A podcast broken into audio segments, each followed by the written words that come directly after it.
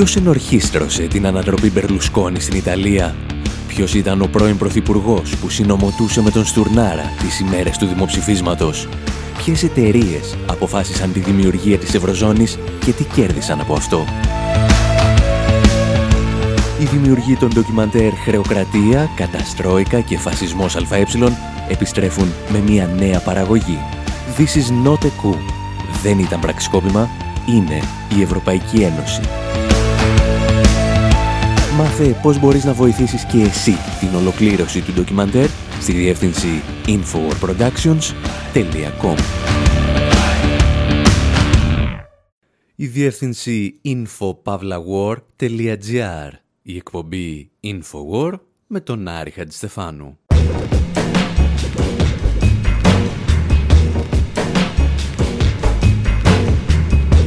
Όπου σήμερα παρακολουθούμε την τέταρτη και χειρότερη ταινία της σειράς Hunger Games.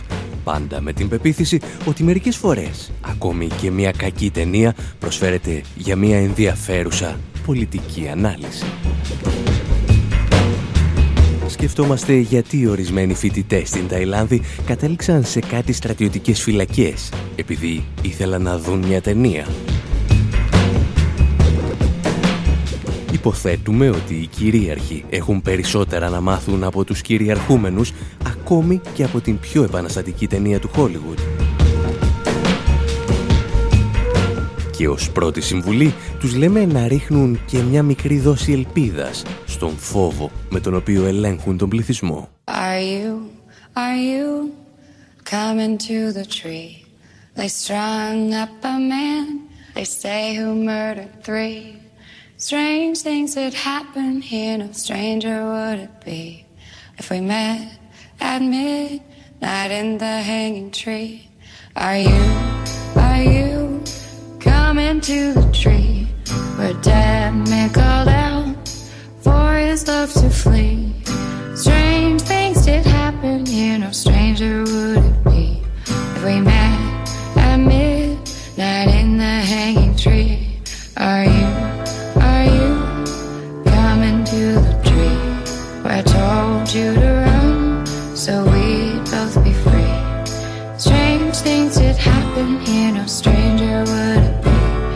we met at midnight in the hanging tree?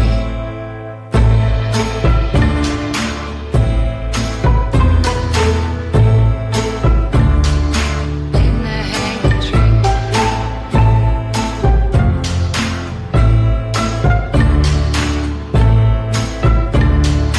In the hanging tree.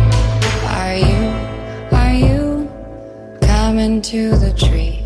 They strike.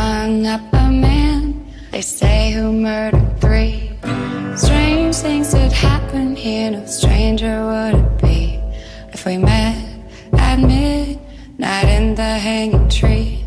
Are you,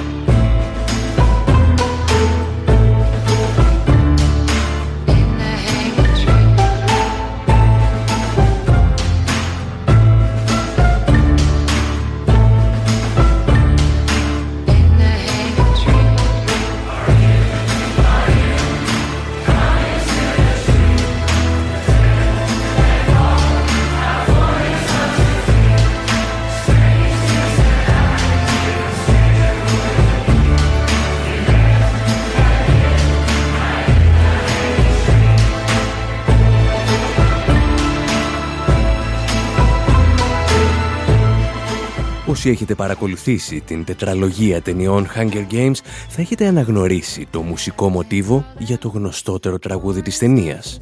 Εμείς απλώς επιλέξαμε μία από τις δεκάδες εκτελέσεις που κυκλοφορούν στο ίντερνετ.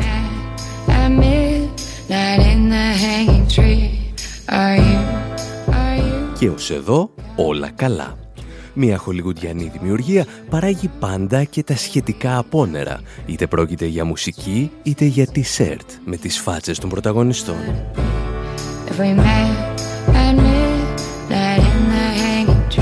Αυτό που συνήθως δεν παράγουν οι ταινίες του Hollywood όμως είναι μικρές ή μεγαλύτερες εξεγέρσεις.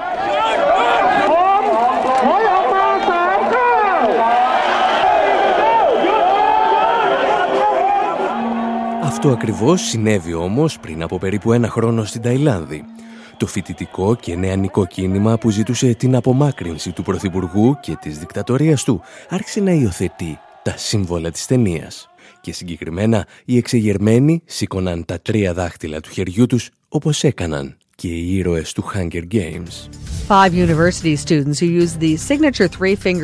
Πέντε φοιτητές που έκαναν το χαιρετισμό με τα τρία δάχτυλα από το Hunger Games μπροστά στον Πρωθυπουργό προσήχθηκαν από τις αρχές.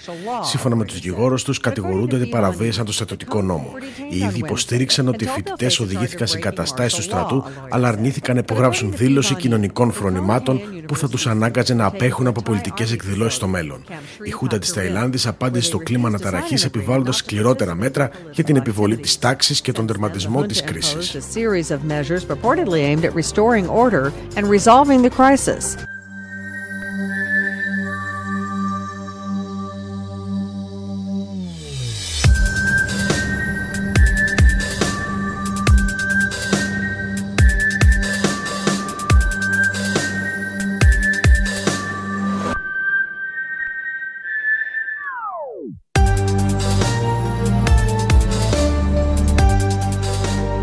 Επιβολή της τάξης στη συγκεκριμένη περίπτωση βέβαια σήμαινε γενικευμένο πογκρόμ εναντίον των φοιτητών.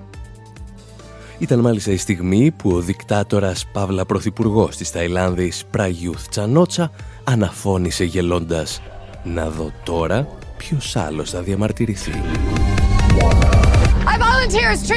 Καθώς το λεγόμενο κίνημα των τριών δαχτύλων άρχισε να εξαπλώνεται σε όλη τη χώρα, το καθεστώς ακύρωσε την προβολή της ταινίας.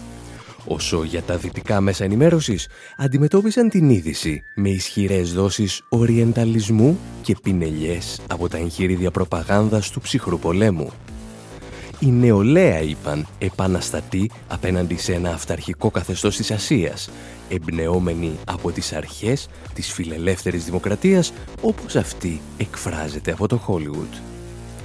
Τέλος της ανάλυσης, τέλος της ιστορίας, όπως θα έλεγε και ο Φράνσις Φουκουγιάμα. Are you, are you coming to the tree? They strung up a man, they say who murdered three. Strange things that happen here, no stranger would it be if we met at midnight in the hanging tree. Are you, are you, are you coming to the tree where dead man called out for his love to flee? Strange things did happen here, no stranger would it be if we met at midnight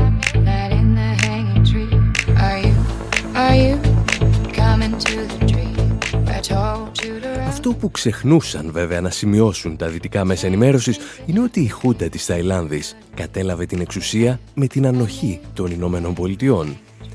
Ο Πρωθυπουργός Παύλα Δικτάτορας μάλιστα εφάρμοζε πολιτικές λιτότητας και ιδιωτικοποιήσεων οι οποίες εκπονούνταν από ένα συμβούλιο σοφών το οποίο αποτελεί το από και στελέχη μεγάλων επιχειρήσεων. Το μοντέλο του δηλαδή ήταν πέρα για πέρα δυτικό. Όπως δυτικού τύπου είναι και η δυστοπική κοινωνία που περιγράφει η σειρά ταινιών Hunger Games. Για να μην μιλάμε όμως στον αέρα, καλό θα είναι να δούμε μερικές λεπτομέρειες της ταινίας, ύστερα από ένα μικρό διάλειμμα.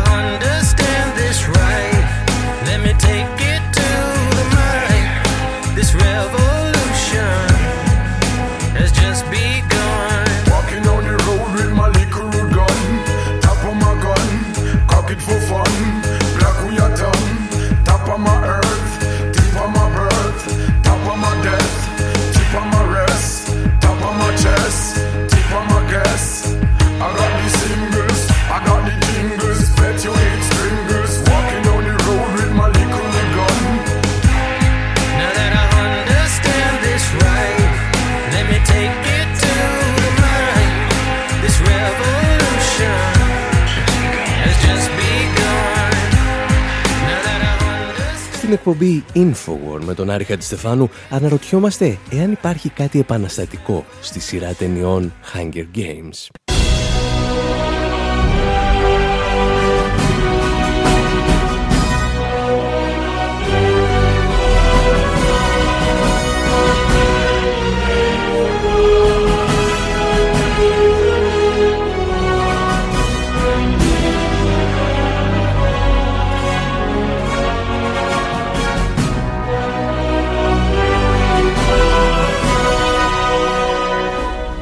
Ιστορία μας, εάν δεν έχετε παρακολουθήσει καμία από τις ταινίες, διαδραματίζεται σε άγνωστο μελλοντικό χρόνο, σε μια διστοπική χώρα που ακούει στο όνομα Panem, από το λατινικό Panem et circensis, δηλαδή άρτων και θεάματα.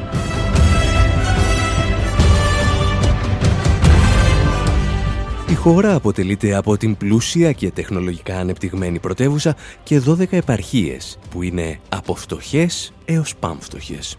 Η Πάνεμ είχε και 13η επαρχία, η οποία όμως επαναστάτησε απέναντι στην κεντρική εξουσία και γι' αυτό ισοπεδώθηκε ολοκληρωτικά.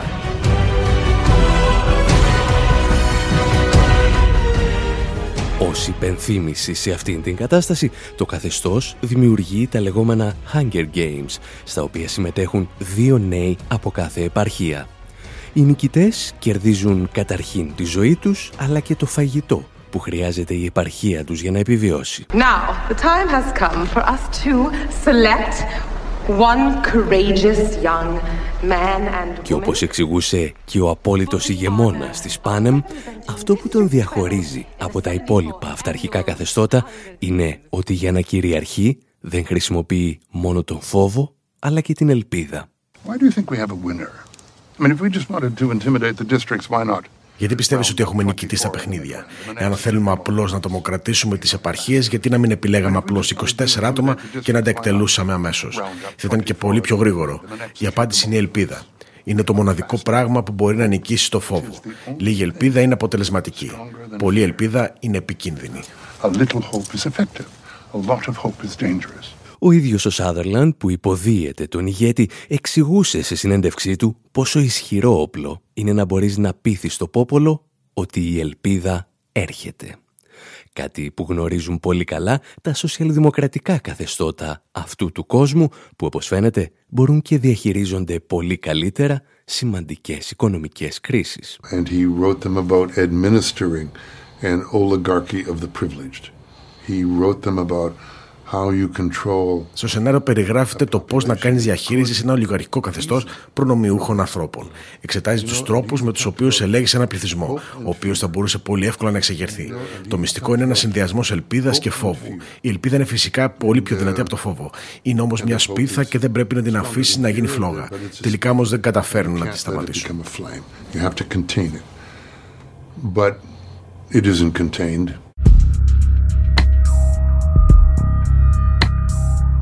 Η ισορροπία λοιπόν του φόβου και της ελπίδας που έρχεται λειτουργεί ικανοποιητικά μέχρι σε ενό σημείου. Και αυτό που η ταινία δεν διστάζει να πει είναι ότι η σύγκρουση που ακολουθεί είναι πέρα για πέρα ταξική. Η εξαθλειωμένη περιφέρεια στρέφεται εναντίον του εύπορου κέντρου.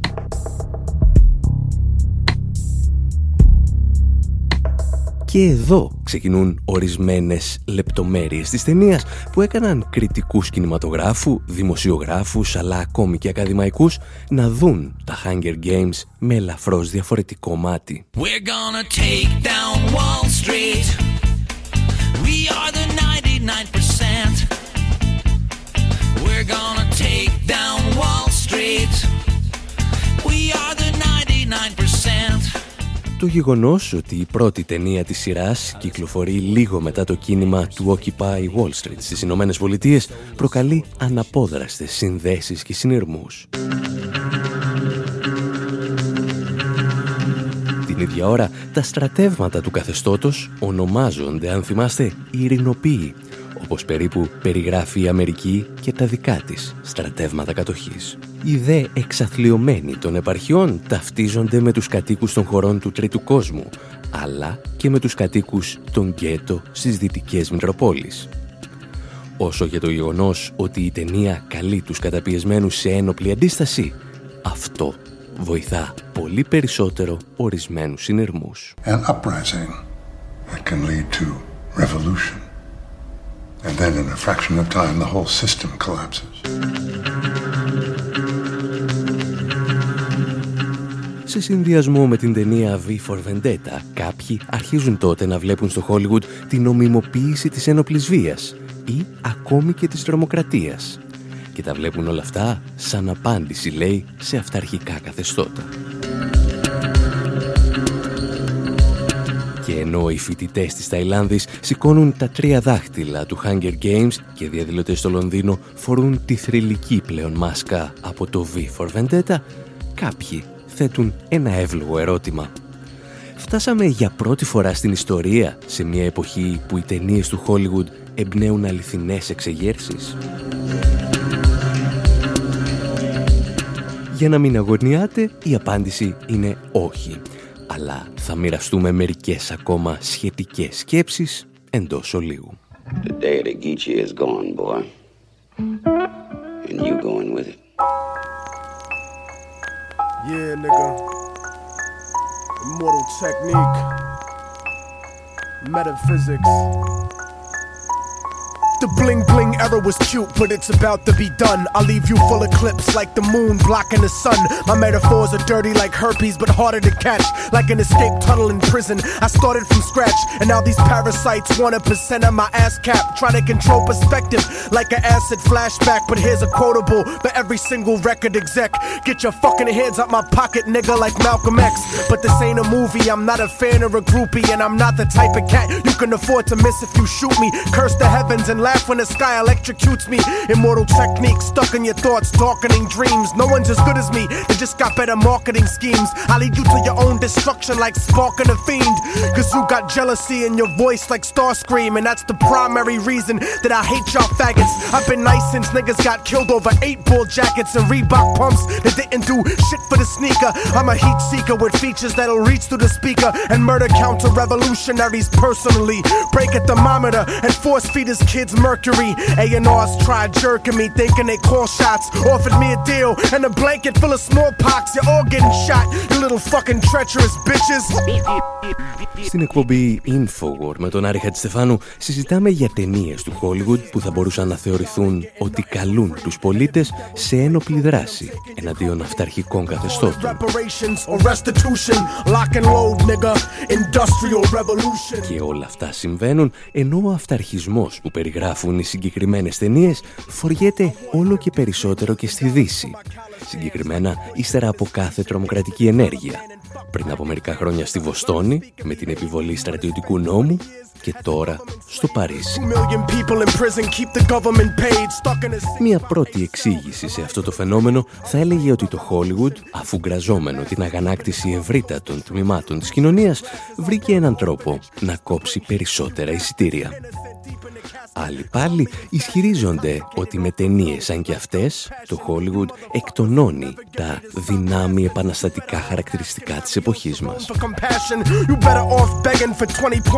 Και οι δύο αυτές εξηγήσεις όμως χάνουν πιστεύουμε την ουσία των ταινιών στις οποίες αναφέρονται. Η συζήτηση για το πολιτικό περιεχόμενο ταινιών όπως το Hunger Games και το V for Vendetta καταλήγει πάντα σε ένα σαφές ερώτημα το οποίο ελάχιστοι όμως δηλώνουν ότι μπορούν να απαντήσουν με ασφάλεια. Τελικά, οι συγκεκριμένες ταινίες στρέφονται εναντίον του κυρίαρχου οικονομικού συστήματος ή απλώς καταγγέλουν κάθε απολυταρχικό καθεστώς; Γιατί το να εντοπίσεις ένα αυταρχικό καθεστώς είναι εύκολο. Το να μιλήσεις όμως για τις σχέσεις παραγωγής που το στηρίζουν είναι μια άλλη μεγάλη ιστορία. Το Hunger Games, περιγράφοντας μια δυστοπική κοινωνία με τεράστιες οικονομικές ανισότητες, προσπαθεί να ψελίσει κάτι για τα πραγματικά αίτια του αυταρχισμού. Ποιος κινεί όμως τα νήματα του αυταρχικού μηχανισμού; Στην ταινία, σημείωναν πριν από ένα χρόνο οι αναλυτές Κριστίν Σχόφελτ και David Walsh, βλέπουμε ανθρώπους να δουλεύουν σε ορυχεία. Δεν μαθαίνουμε όμως ποτέ σε ποιον ανήκουν αυτά τα ορυχεία. Που είναι οι τραπεζίτες και οι κάτοχοι των μέσων παραγωγής σε αυτήν την ταινία; By order of President Snow, late production quotas have been increased. All work shifts will be extended by an extra two hours. Και ύστερα υπάρχει και μία ακόμη μικρή λεπτομέρεια που αφαιρεί κάθε γνήσιο επαναστατικό στοιχείο από τα δημιουργήματα του Hollywood και κυρίως από το Hunger Games. Η τελική αναμέτρηση γίνεται πάντα ανάμεσα σε πρόσωπα και όχι ανάμεσα σε κοινωνικές ομάδες. Ο επαναστάτης πολεμά σχεδόν μόνος του τον ηγεμόνα και οι μάζες των ανθρώπων παρακολουθούν αμέτωχες, ελπίζοντας για το καλύτερο. Μόνο που μια προσωπική μονομαχία δεν οδήγησε ποτέ σε επανάσταση. Στην καλύτερη περίπτωση μας έδωσε ένα καλό καμπόικο.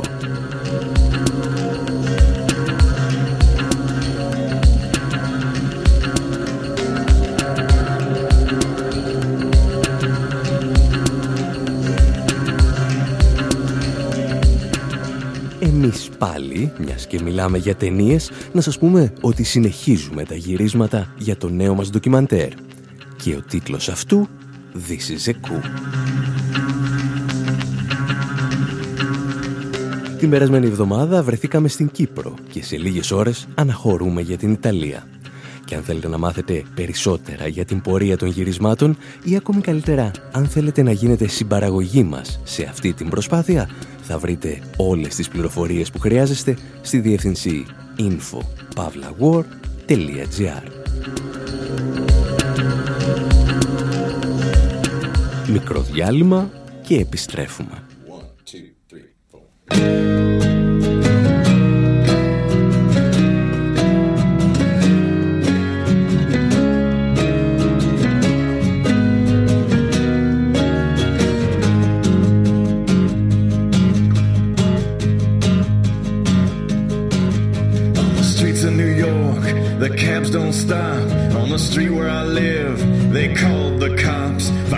in my garage.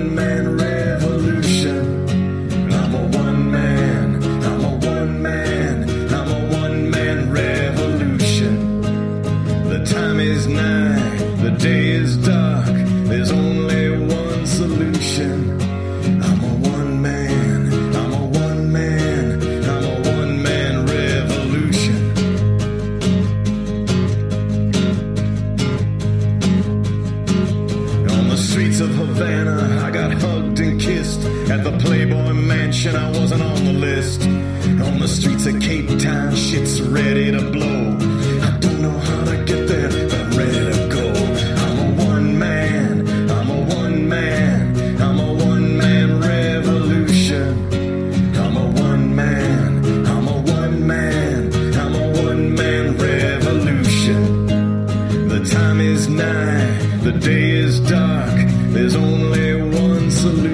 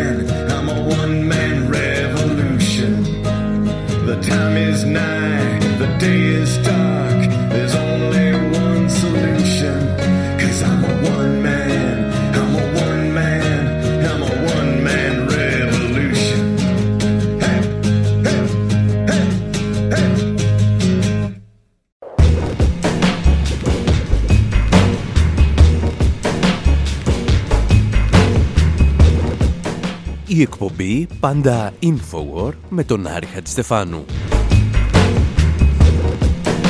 Και σήμερα συζητάμε για άλλη μια φορά για το Hollywood και τις πολιτικές πεπιθήσεις ορισμένων σούπερ ηρώων.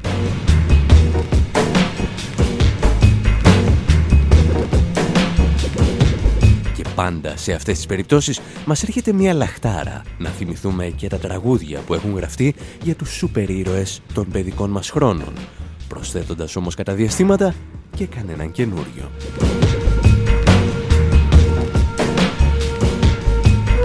Για αρχή, σε αυτό το δεύτερο μέρος, θα αφήσουμε τους Kings να τραγουδήσουν για τον Captain America και θα επιστρέψουμε αμέσως μετά σε πιο γνωστές πολιτικές και μουσικές ιστορίες για τον Superman, τον Batman και τα άλλα παιδιά.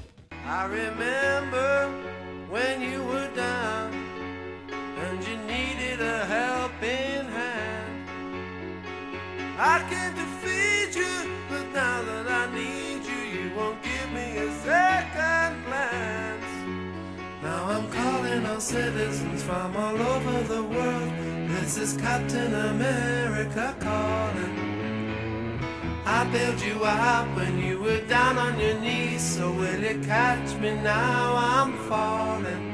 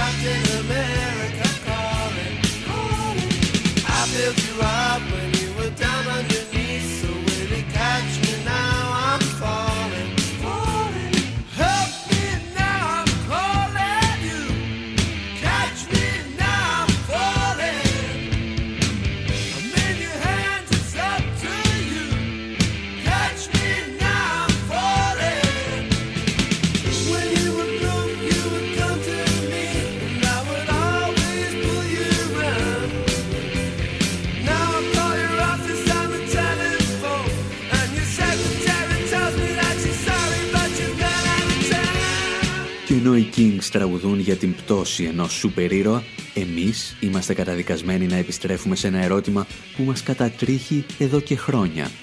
Έχουν οι σούπερ ήρωες πολιτικές πεπιθήσεις και μυστική ατζέντα;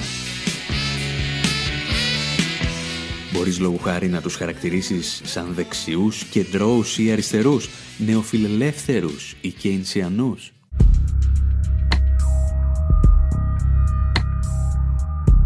Εδώ και δεκαετίες, ακαδημαϊκοί, συγγραφείς και δημοσιογράφοι επιχειρούν να σκιαγραφίσουν το πολιτικό προφίλ των σούπερ ηρώων. Και φυσικά, κάθε συζήτηση για υπερήρωες δεν μπορεί παρά να ξεκινά από τον ήρωα των ηρώων, τον Σούπερμαν.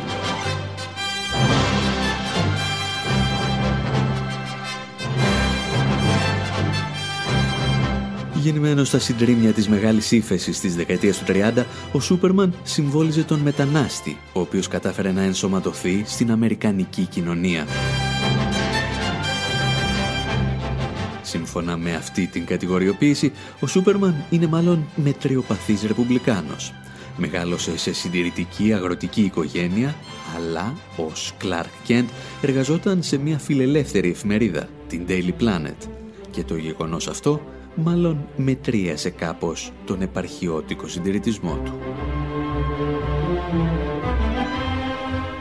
Παρ' όλα αυτά, οι παραγωγοί του Hollywood καλούσαν την κλάση του σε περιόδους επιστροφής του συντηρητισμού, όπως λόγου χάρη στη νεοφιλελεύθερη Αμερική του Ρίγκαν στα τέλη της δεκαετίας του 70, αλλά και μετά την 11η Σεπτεμβρίου.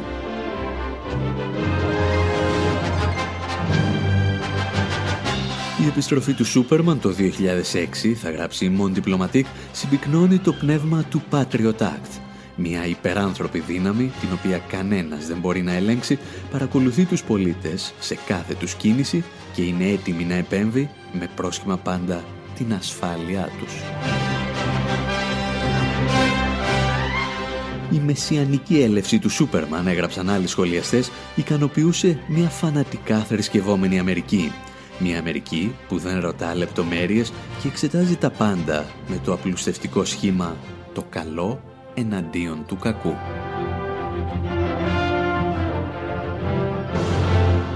Απλουστευτικές προσεγγίσεις όπως και αυτό το τραγουδάκι των R.E.M. με τον τίτλο «Σούπερμαν».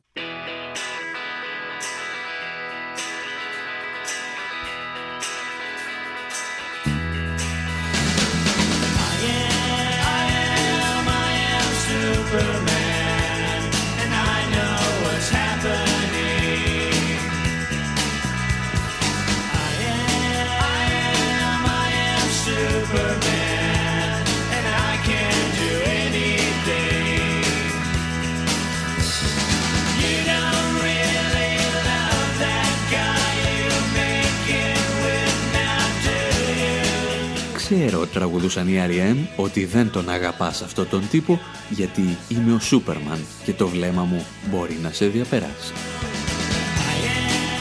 Ό,τι να είναι.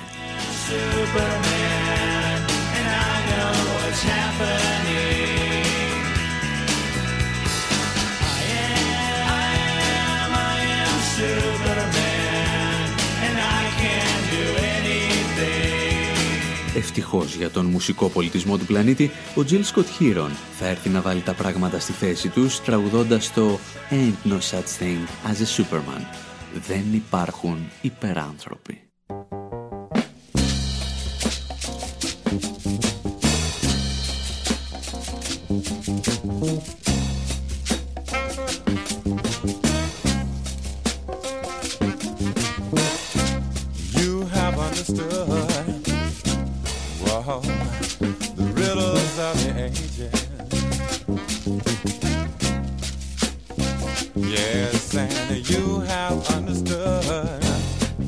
Άφησες, λέει, το αποτύπωμά σου στην άμμο του χρόνου. Ήσουν στον Νείλο όταν κατέρεε η πανίσχυρη αρχαία Αίγυπτος και την είδες να συνθλίβεται στο έδαφος.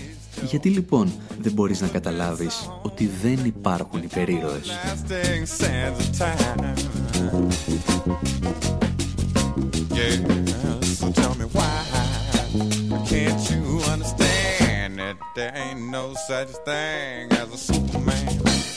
Και ενώ ο Jill Scott Heron ισχυρίζεται ότι δεν υπάρχουν σούπερ ήρωες, εμείς περνάμε στον δεύτερο τη τάξη υπερήρωα της ιστορίας, τον άνθρωπο νυχτερίδα. To the Batmobile. Let's go. Atomic batteries to power. Turbines to speed. Roger. Ready to move out.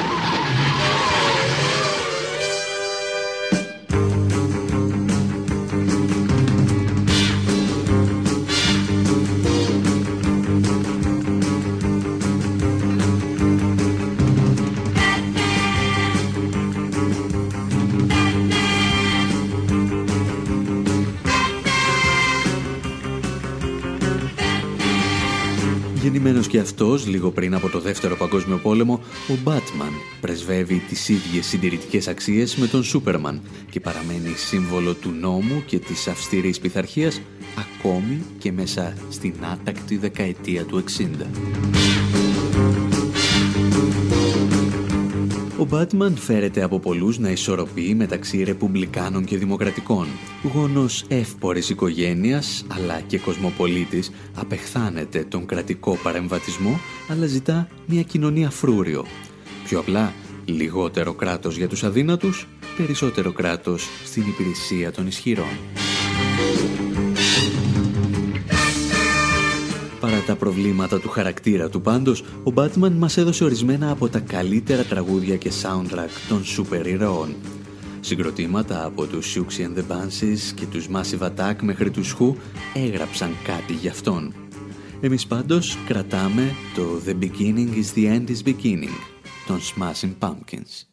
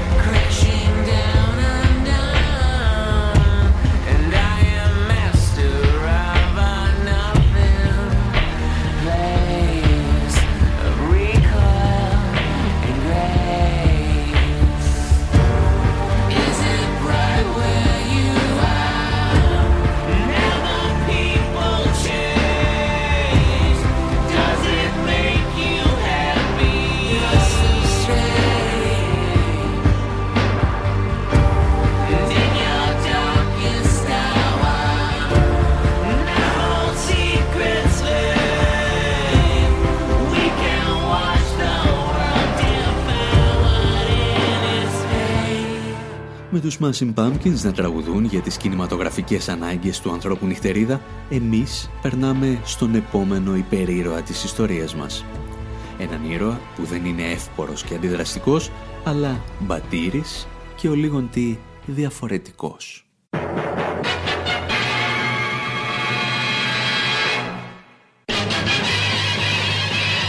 Ο Spider-Man, ο άνθρωπος αράχνη, θεωρείται από αρκετούς ως σούπερ ήρωας δεύτερης κατηγορίας σε σύγκριση με τον Superman ή τον Batman. Παρ' όλα αυτά, έχει τη δική του ιστορία να διηγηθεί. Ο Spider-Man είναι τέκνο της ταραγμένης δεκαετίας του 60. Σε αντίθεση με τους προκατόχους του που είχαν μια κάποια ηλικία και ένα σταθερό εισόδημα, αυτός ήταν έφηβος και απένταρος. Δούλευε βέβαια ως φωτογράφος, αλλά ξέρετε πόσο δύσκολο είναι αυτό το επάγγελμα. Μπορεί λόγου χάρη ο Υπουργός Προστασίας του Πολίτη από τη μία στιγμή στην άλλη να στείλει τους Πρετοριανούς του να σου σπάζουν τα δόντια ή να σε σαπίσουν στο ξύλο. Μάλλον για όλους αυτούς τους λόγους η αφίσα του Spider-Man φιγουράριζε εκείνα τα χρόνια σε αρκετά εφηβικά δωμάτια, δίπλα σε αυτή του Bob Dylan ή ακόμη και του Che Guevara. Και η εταιρεία που μας τον παρουσίασε, η Marvel, έμεινε πιστή σε αυτή την παράδοση του αντικομφορμισμού. Παρουσίασε και ένα νέο Spider-Man, τον Miles Morales, ο οποίος είναι μαύρος και λατίνος. Εμείς πάντως το μόνο που θα κρατήσουμε από το συγκεκριμένο υπερήρωα είναι εκείνη η διασκευή των Ramones στο μουσικό θέμα του Spider-Man που πήγαινε κάπως έτσι.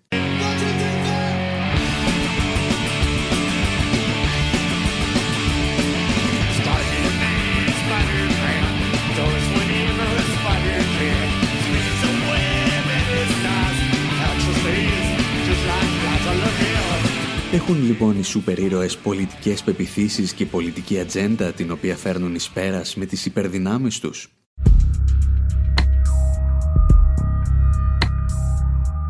Παρεμβαίνοντας πριν από μερικά χρόνια σε αυτή την κουβέντα, ένας Αμερικανός δημοσιογράφος, ο Ματ Μόρισον, υποστήριξε ότι όλοι οι σούπερ ήρωες, βαθιά μέσα τους, είναι μαρξιστές.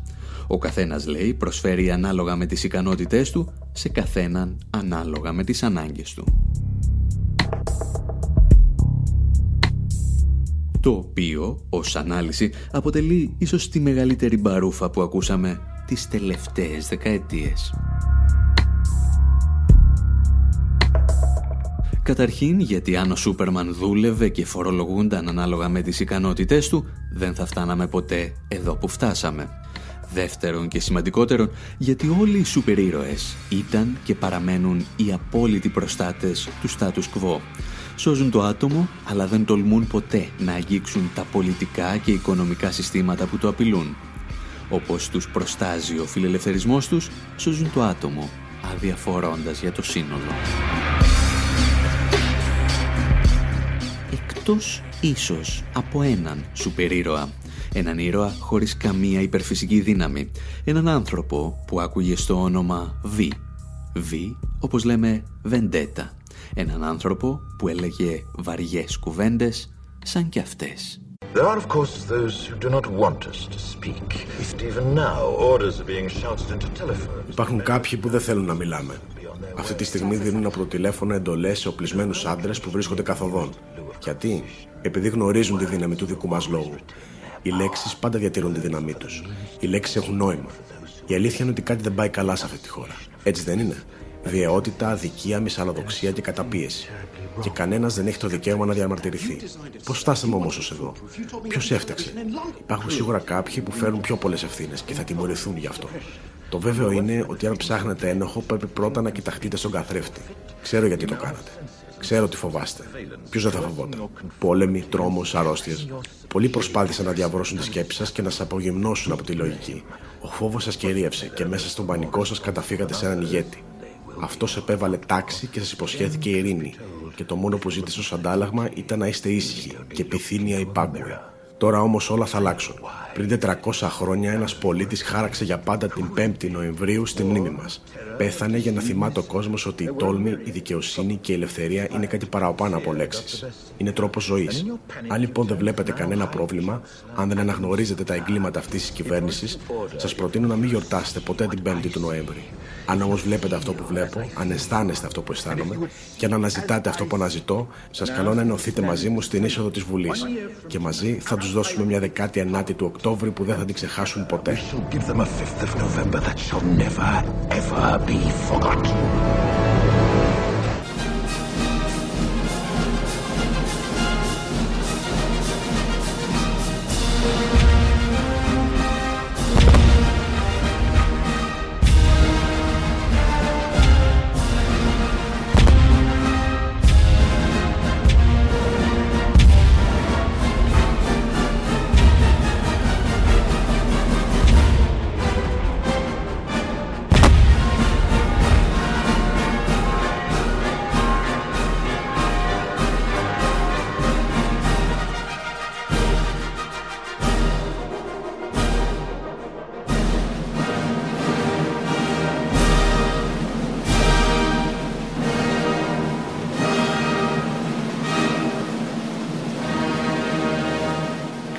όμως θα σας αφήσουμε και εμείς.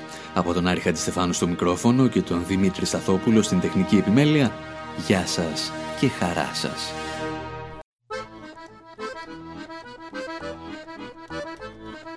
First time I have read the Bible, it had struck me as unwitty. I think it may start a rumor that the Lord ain't got no humor. Put me inside SSC. Let's